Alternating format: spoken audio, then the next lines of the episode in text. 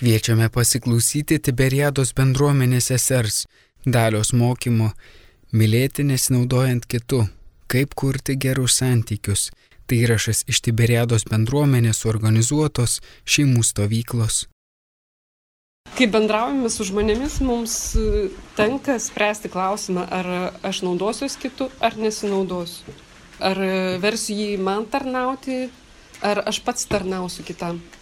Ir e, tas naudojimas, nesinaudojimas, dažnai aš naudosiu terminą utilitarizmas, kai mes naudojamės kitų, kuris supančioja, sulaužo kitą, apeina kito laisvę ir, ir nueina paskui. Tuo tarpu meilė ar tarnystė kitam yra tai, kas mus daro laimingesniais. Ir laimingesniais tokį ilgesnį laiką, nes galim kartais sakyti, pasinaudojo kitų, mes irgi esame tam tikrą prasme laimingi, bet tai nesitęsia ilgai.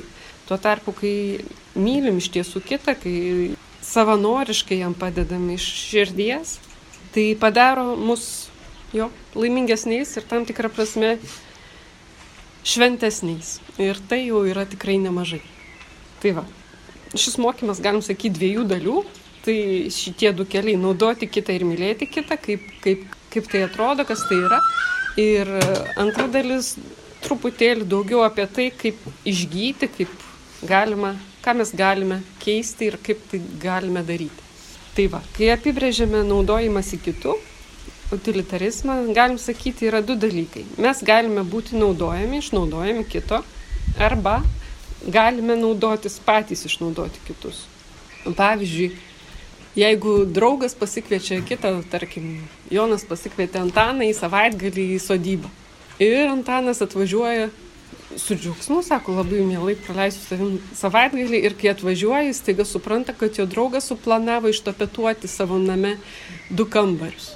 Ir, nu, tada jis, nu, aišku, jis tapetuoja su juo, bet širdie galvoja, nu, gaila, kad tu nepasaky man anksčiau. Nes tikrai pasijaučia išnaudotas vietoj to, kad praleistų savaitgalį, nežinau, tam kaime, gamtoje, kažką kartu darydami, nežinau, žvejodami, laisvalaikį leisdami kitokiu būdu, jie būdų dirba. Tai va. Arba, pavyzdžiui, būna dar tokie dalykai, dažnai pas mus Lietuvoje nežinau kaip, bet Prancūzijoje labai įprasta, kad parapijoje žmonės gali pasiūlyti pagalbą ir tokia istorija buvo, kad moteriškė viena turėjo gana didelius namus netoli parapijos ir sakė, va dabar aš galiu priimti, jeigu reikia parapijai šventę organizuoti ten krikštą ar kažką, galiu priimti pas save, sveiki atvykę.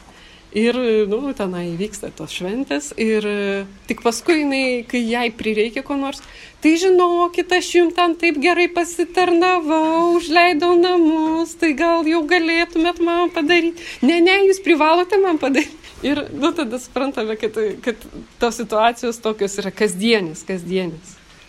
Arba, pavyzdžiui, brolis su sesė jau suaugę būdų ir brolis praleidžia daug laiko klausydamas savo sesers ir tikrai labai yra atidus klausytojas, bet baigėsi tuo, kad tas sesuo visą laiką kalba, o jis nekalba niekada, tik klauso.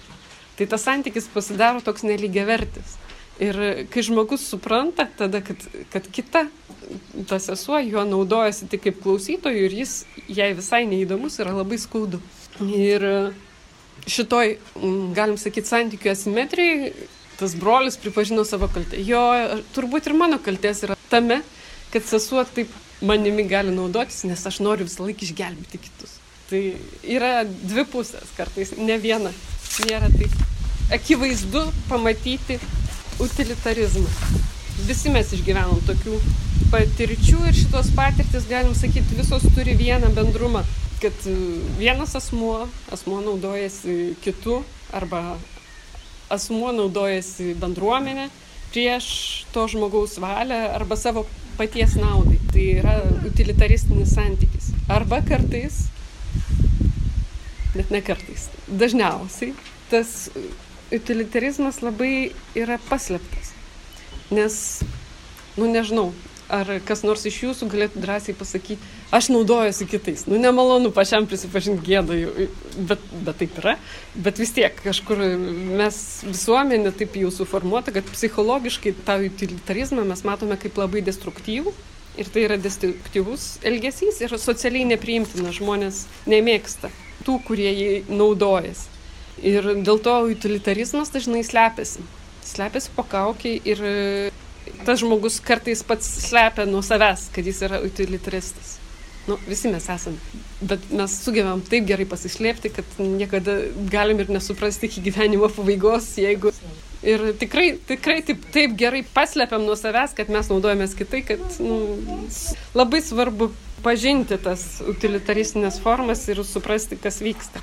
Ir dabar pabandysim padaryti tokį mažą, bus du maži pratimai. Norėjau pasiūlyti pasižiūrėti, kaip gyvenime jūs išgyvenote patirtį, kai jumis pasinaudojo.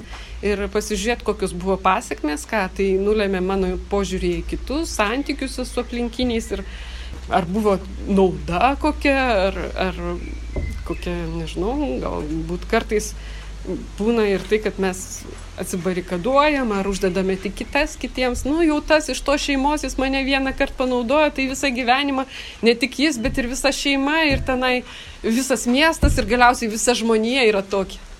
Tai, nu, ta prasme, iki kur gali išsiplėsti vienas panaudojimo etapas, kaip, kai sakom, šitas tik, tik, ne, netiesa. Mes nesam tik. Mes esame ir kitokie, ir dar nuostabesni ir žavingesni, negu įsivaizduojam patys.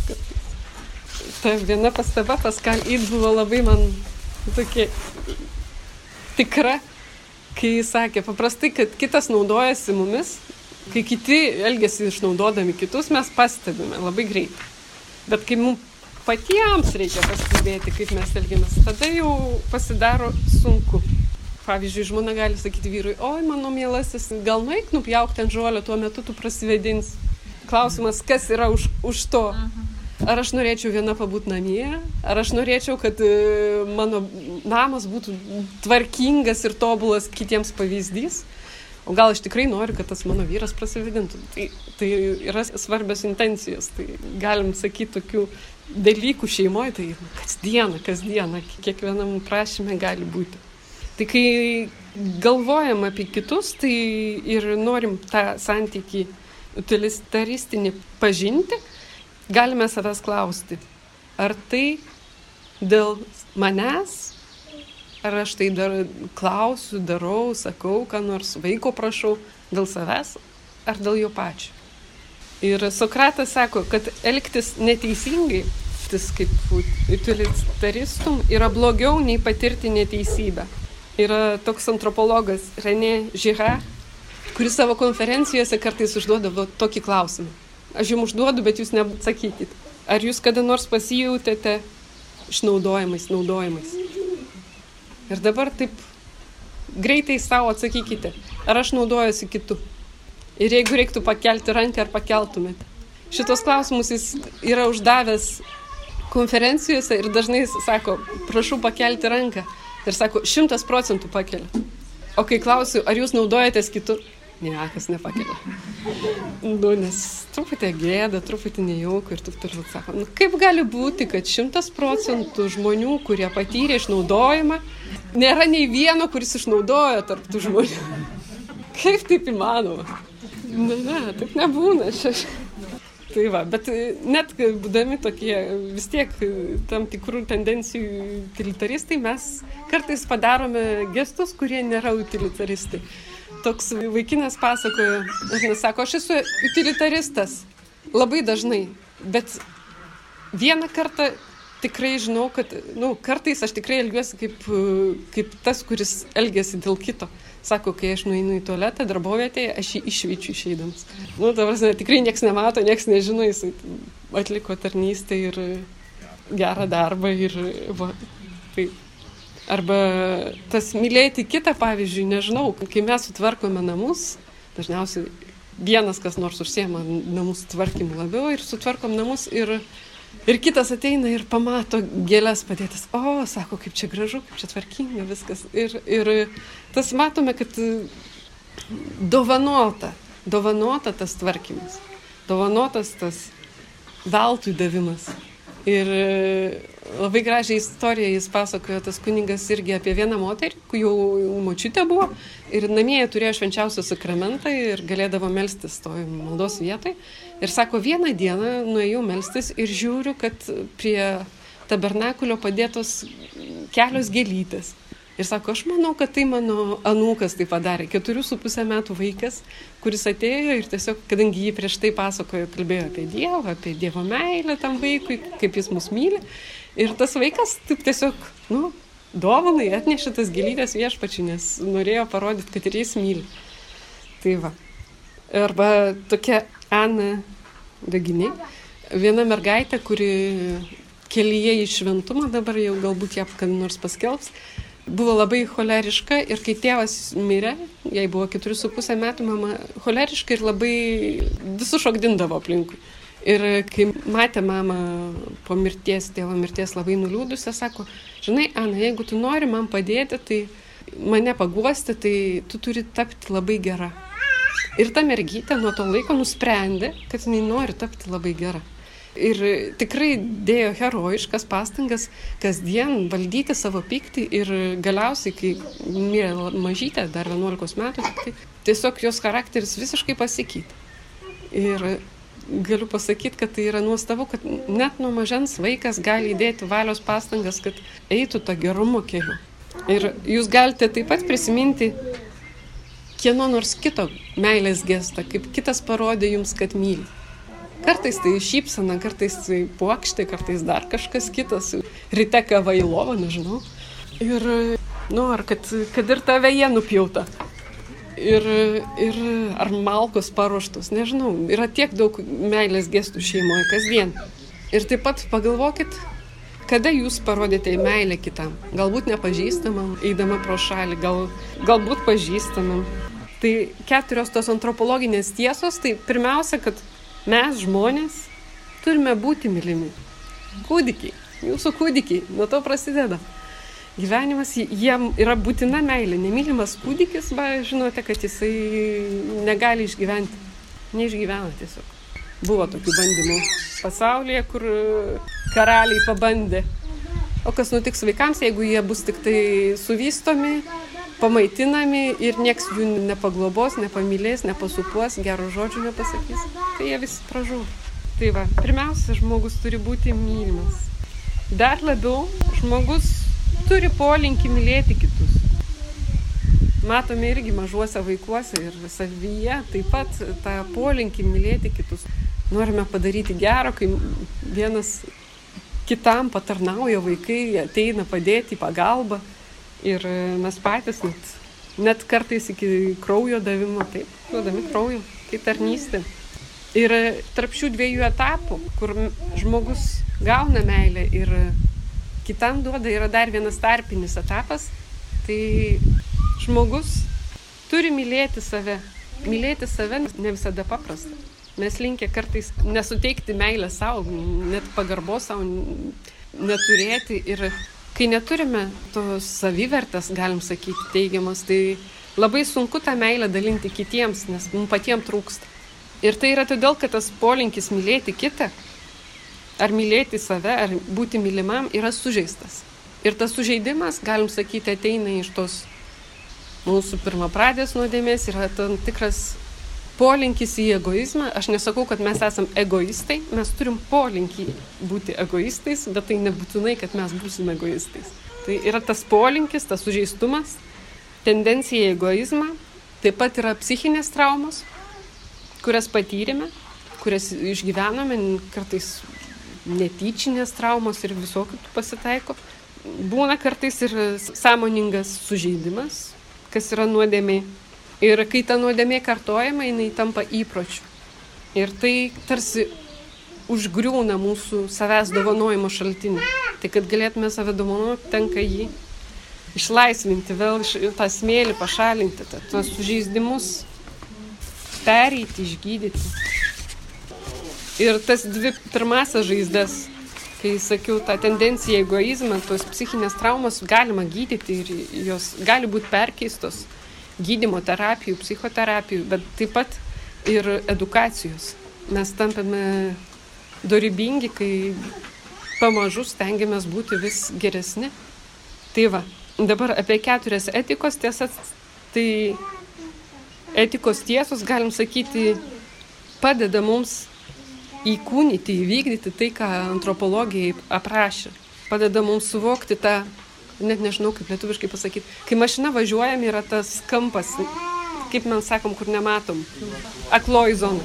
Tai gyvenime tas, ta akloji zona yra labai, labai plati, kol mes elgiamės nesąmoningai, kol mes nesuvokiam, kad mes naudojamės kitų.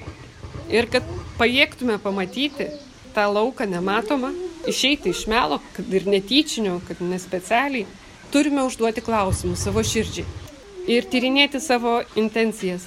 Turime tarsi giliai nueiti širdį ir paklausti savęs, tas klausimas, kurį aš jau minėjau, ar ieškau gero tam žmogui, ar savo pačiam. Ir atsakymai gali būti tik du. Ieškau gero savo pačiam, ieškau gero jam. Ir, ir tada, kai mes suprantam, kai atsakom savo patys, taip aš ieškau gero savo pačiam, tai galiu nuspręsti, ne, aš nenoriu taip elgtis. Taip, aš noriu gero, aš noriu daryti gerą jam. Aš nenoriu naudotis kitu, aš noriu elgtis, daryti kažką dėl kito. Suvokti, kas yra žmogiška, humaniška, o kas yra priklausomybė. Svarbu, bet to nepakanka kas yra priklausomybė e, naudotis kitų, galim sakyti. Reikia dar pasirinkti tai, kas yra gera. Tai antras etapas, antroji tiesa - pasirinkti ir įgyvendinti tai praktikoje. Ir kad galėtume tai padaryti, mums reikia treniruotis, kaip pianistai. Ir tada tas valios aktas yra galimas, kai mes iš dienos darom mažus žingsnelius, viena iš dienos, kasdien. Bet patį mažiausią įmanomą žingsnelį padaryti. Nes kai mes užsidedam, kai sakom, broliai, sako kartais, paklausia, tai kokie jūsų sprendimai po šios stovyklos? Nu tai tenai galim prisigalvoti, melsiuos ten keturias valandas per dieną, paskui labai būsiu atidi vaikams, atsiliepsiu kiekvieno jo šauksmą ar dar ką nors. Ir paskui po dienos neįmanoma. Tai, nu, kai prisiemam didelius įsipareigojimus, tai nu, reikia žiūrėti, ar mes pajėgus jų laikytis. Tai lygiai taip pat gyvenime, jeigu mes pasakom, kad mes tenai tą darbą atliksime per, per savaitę ir žinome, kad mums realiai reikia trigubai daugiau laiko negu savaitės, nu, tai tada suprantam, kad tas pasirinkimas, toks apsiribojimas to savo, taip, aš galiu šitą žingsnį atlikti, tikrai, šitą žingsnį tikrai galiu atlikti ir tada pasirenku. Tada gali duoti vaisių ir tada gali diena iš dienos tą, tą veiksmą pakartoti, kažkokio dėmesio, atidumo kitam pradėti nuo vieno žingsnio, nepradėti, nei vienas bėgikas nepradeda bėgti 40 km iš karto. Tai treniruotis ir pradėti palaipsniui. Tai čia treniruotis buvo trečia tiesa ir ketvirta tas palaipsninis. Tai va, kai kalbama apie utilitarizmą, jisai naudojo dar tokią paskalis įd, tokią formą kaip uh, utilitaristinė norma. Arba aš sakyčiau lietuviškai gal daugiau utilitaristinis požiūris į kitą, kai mes naudojamės, aš naudoju kitą. Ir personalistinė norma požiūris, kai aš noriu gero kitam, jį priemu kaip asmenybę, priemu kaip tokį, koks, koks jis yra. Nesiuošiu jo keisti, daryti jam gerą. Dažnai mes, norėdami kitą pakeisti, mes sakome, mes, mes jam padarysim gerą. Ir prisiminti, kad mes negalim kito pakeisti. Prisiminti, kad keičiamės tik mes patys. Tik save mes galim įgalinti keistis. Tai va, dabar antroji dalis apie gyjimą. Kai norime pasveikti, jeigu sargame fizinę lygą, nueinam pas gydytojus. Kiek sunkiau, kai jaučiame psichologinį poreikį, psichologinės pagalbos kažkaip vis dažniau Lietuvoje matau, kad žmonės kreipiasi nebijodami, bet dar yra ta nuostata, kad ai, tai čia gal man nereikia, čia gal nu, kol visai blogai nebus, tai, tai nesikreipia. Išsispręs savaime. Ir, ir tik tai, kai matome, kad po 25 metų niekas nesisprendė, nu, galbūt tada jau parašysim pagalbos. Nu, tai nežinau, jeigu po 25 metų turėdami problemą jūs nueisit pas gydytojų, sakys, nu, jeigu dar gyvas likote iki to laiko, tai sakys, nu, jau nieko negaliu padėti. Bet psichologai yra gerai, kai mes užstringame, kai mes nebežinome, kaip kaip, kaip toliau eiti. Tai tiesiog tai yra gydimas. Psichoterapija, pereiti su žmogumi, kuris tau gali padėti kitaip matyti tavo traumas, sužeistumus, padėti pakeisti požiūrį į save. Kodėl ne? Kodėl ne? Taip, yra brangu, bet nežinau, kas yra brangu. Ar santykis su, su žmogum, kuris griūna, nėra brangiau už tam tikras dalykus. Kad ir pinigus. Jeigu neturi pinigų, aišku, tu negali savo pasakyti, man labai brangus tas santykis, aš nežinau, tenai išleisiu paskutinius pinigus, mes neturėsim ką valgyti, bet aš nueisiu pas terapeutą. Nu tai kartais tą terapeuto vaidmenį gali atlikti žmogus, su kuriuo jūs galite pasikalbėti. Šeimoje būna kartais tokių išmintingų tėtų, močiučių, kartais ir vyrų ar draugai.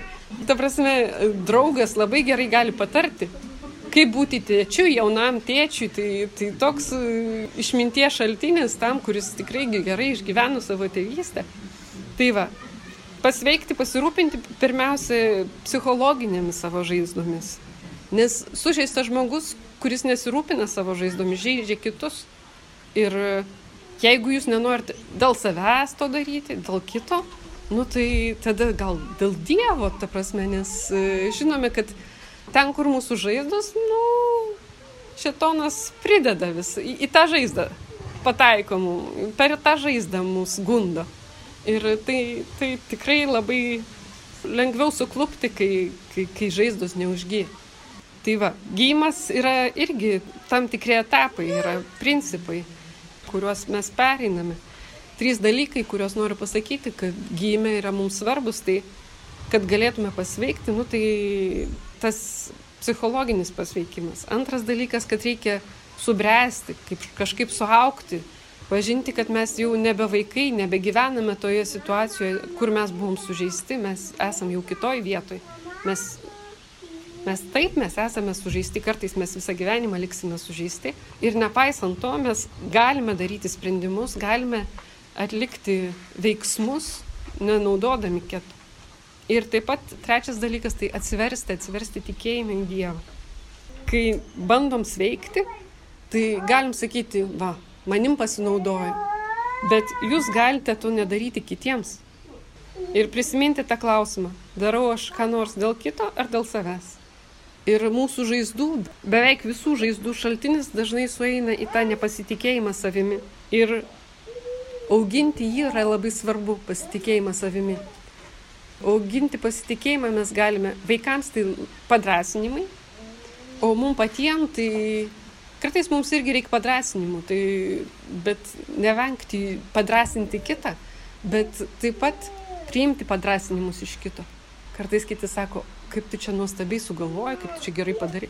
A, tai čia nieko, čia, čia, čia kiti, čia aš. Čia aš, pavyzdžiui, galėčiau dabar pasakyti, ai, tai čia aš nieko iš savęs neduodu, čia paskalyd viską parašė, viskas tvarkoja. Bet čia aš kur duodu mokymą. Tai, nu, pripažinti save, kad mes kažką irgi esame kažko verti tame nepasitikėjime, aukti, darydami dalykus, mes matome, taip aš pajėgiu.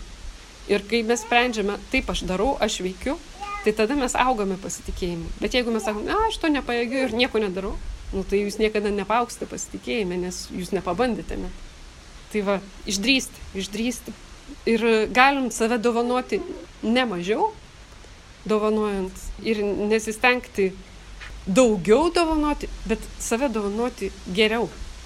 Ir geriau dovanojimas yra, kai mes priemam kitą ir taip pat, kai sugebam dėkoti kitam už tai, ką gaunam iš jo. Ir taip pat save galim dovanoti geriau, kai mes esam pailsėję. Tai, ką Dievas duoda mums - polis, miega, netimkite iš savęs. Nu, kartais aplinkybės reikalauja, kai vaikai serga ar dar kažko. Bet jeigu jum reikia miego, tai pailsėjusi mama yra tris, nežinau, kiek kartų geriau negu mama, kuri nebepaėgė laikytis ant kojų.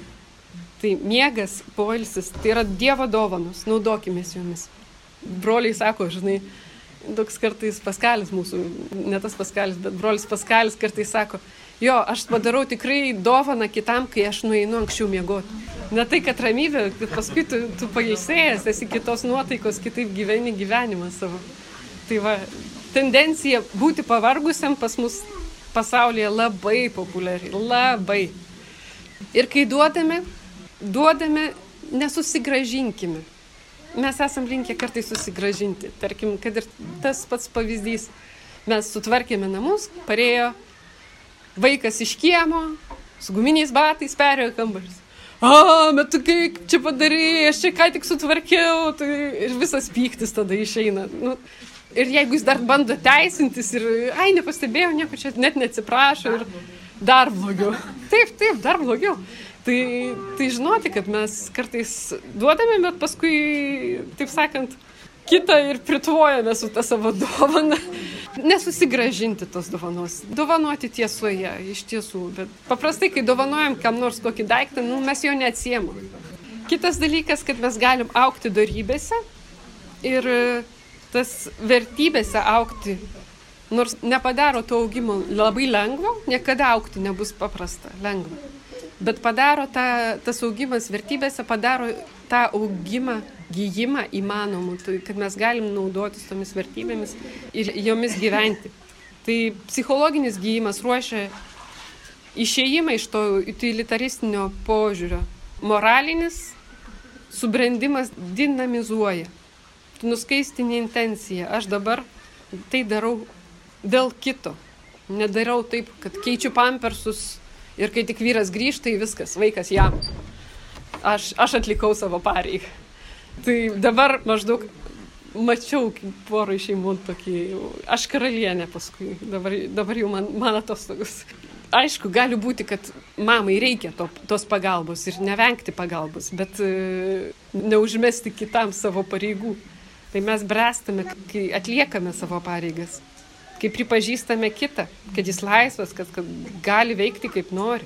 Tame pripažinime kito yra labai daug svarbių mažų etapėlių kai mes, pavyzdžiui, aš noriu veikti dėl kito, tai pasiklausime, aha, gerai, dėl kito, ar dėl jo gėrio, ar dėl savo, paskui svarbu įsitikinti, kad tas gėris, kurio siekiu dėl kito, yra ir kito troškimas. Tai čia be dialogo niekaip.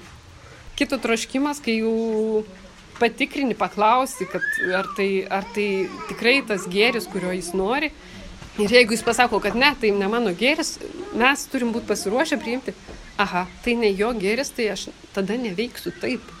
Aš atsisakau veikti tą kryptimį, nes tai, jam tai nėra geris, jisai nemato, nemato, kad jam bus naudinga. Tai galbūt jo prioritetas šiandien ir dabar yra kitas. Ir tada paklausti reikia, kad ar tas trokštamas gėris, vat, jeigu čia gėris, ar, ar tu nori jo dabar? Taip, jis mato tai kaip gėri tą dalyką, bet kitas yra prioritetas, yra kitas dalykas, kuris pirmiau, jam būtų geris, pirmiau tiesiog pabūti su tavim, ar nežinau, papasakoti, ką išgyveno per dieną, o ne tuoj pat sėsti už stalo ir valgyti. Tiesiog, ko reikia tuo momentu, klausyti, klausyti kito. Tai va, dar kitas dalykas, kad mes galime imituoti. Labai įdomu, kad imitacija kito mums labai svarbi gyvenime. Man buvo atliktas toks tyrimėlis, kai daugiabučiuose pakabino kiekvienam vis skirtingus skelbimus. Kvietimas taupyti elektrą ir buvo skirtingi tikslai. Vat jeigu taupysite elektrą, taupysite ten 54 dolerius. Jeigu tenai taupysite elektrą, tai tada tenai 100 kg išmetamųjų dujų ir šiltnamio efektas sumažės. Paskui dar vienas variantas, kad 29 procentais sumažės jūsų naudojimas elektra. Ketvirta galimybė buvo, kad darysite kaip kiti 77 procentai jūsų aplinkinių kaimynų. Ir žinokit, kas labiausiai suveikia? Tai tie kaimynai. Nors atrodytų, kad tenais taupysi pinigus ar dar kažką veikia, bet kad ne, veikia tai, kad, kad mes esam šalia vieni kitų ir mes, kaip mes elgiamės, formuoja kitą nežinau, ar bažnyčiai kartais pastebėt, vienas vaikas pradeda rėkti, tai kiti iš karto tenai tokį, kaip ir taip. O paskui kitas juokiasi, žiūrėk, kitas pradeda juoktis irgi ir, ir tas džiaugsmas persiduoda. Tai, tai va, tie, tie dalykai yra svarbus. Ir dar kitas dalykas, paskutinis jau turbūt iš to gyjimo proceso, tai dvasiniai, dvasiniai dalykai, kurie mums padeda gyti, taip pat gyti ir mylėti kitus, save, Dievą. Tai, tai mes esame kviečiami sekti, imituoti Kristų, kuris tapo žmogumi. Tai nepamirškit, kad esat žmonės, nesat tobuli. Mes visi trokštam būti perfekcionistai truputėlį. Būti tobula mama, tobulų tėčių, tobulų darbuotojų, tobulų, tobula vienuolė viską gerai atlikti, niekad klaidų nepadaryti, niekad būt, nebūti pavargusi, niekam, niekada nenorėti miego. Tai ką mes angelai? Bet ne. Mums reikia ir miego, ir, vis, ir, ir mes klystam, ir sprendimus galim priimti netinkamus. Svarbiausia, kad mes galim juos pripažinti, prašyti atleidimo. Tas sėkimas Kristumi, tas auka, galim sakyti, savo gyvenimo kitam, tai mus daro laimingas. Kai mes kuriam šeimą, mes nenorime tapti laimingais patys, mes norim kito laimės. Ir tai yra tikrasis kelias. Mes kuriame laimę kitam ir kurdami laimę kitam, mes tampame patys laimingi. Kai Jėzus sako, kad lieka tavo išmalda nežinoma, eik į kambarėlį, melskis slaptoje. Kai pasininkauji, išsikvėpink galvą ir nusiprausk veidą ir tavo tėvas matys slaptoje, bet ne tie kiti žmonės. Tai Jėzaus patarimai mums.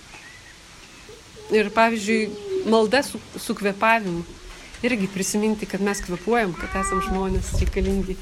Kvepavimo, tai Jėzau Kristo, gyvojo Dievo sūnau, pasigailėk manęs nusidėlis. Maldos praktika.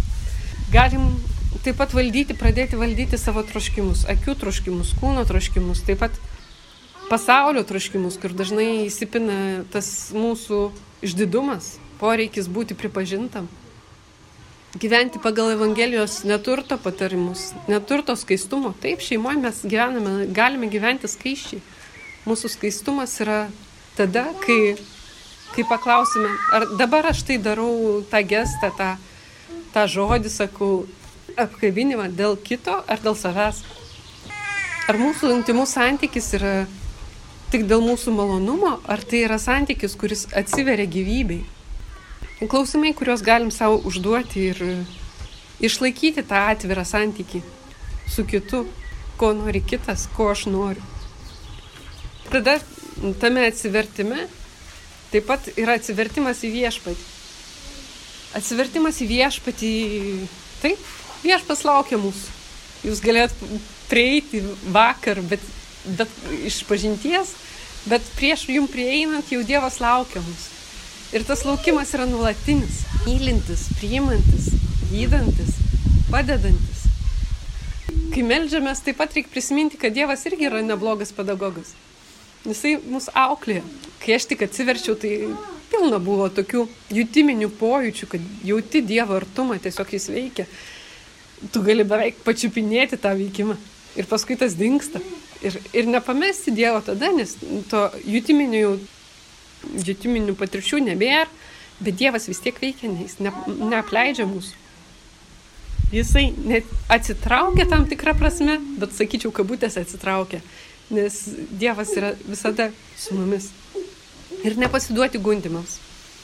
Nepasiduoti gundimams, kai, kai sakom, ai, šitos maldos čia nieko nėra, ai dabar jau pasimeldžiu 25 minutės, bet galvojau pusvalandį, tai paskutinės minutės paliksiu, jau, jau taip skubu daryti kitą, būti kitoje vietoje, kad nu, jau tas 5 minutės niekaip nebeišiai.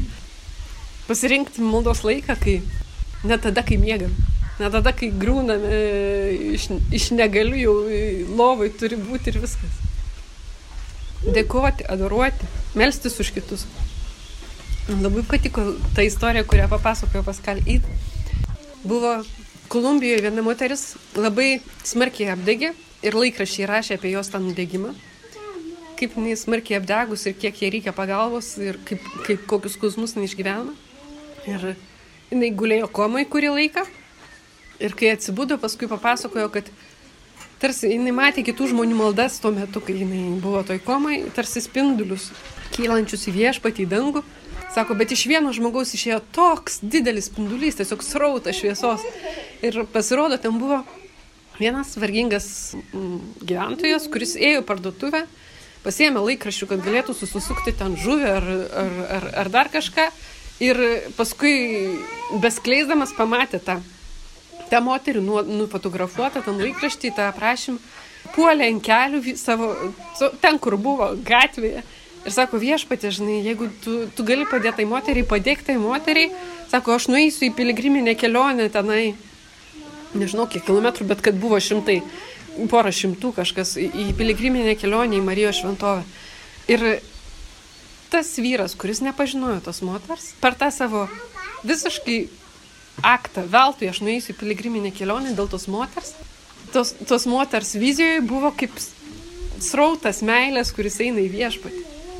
Tiesiog mes, mes galim būti tokie meilės srautai į viešpatį, valsdamiesi už kitus, užtardami kitus.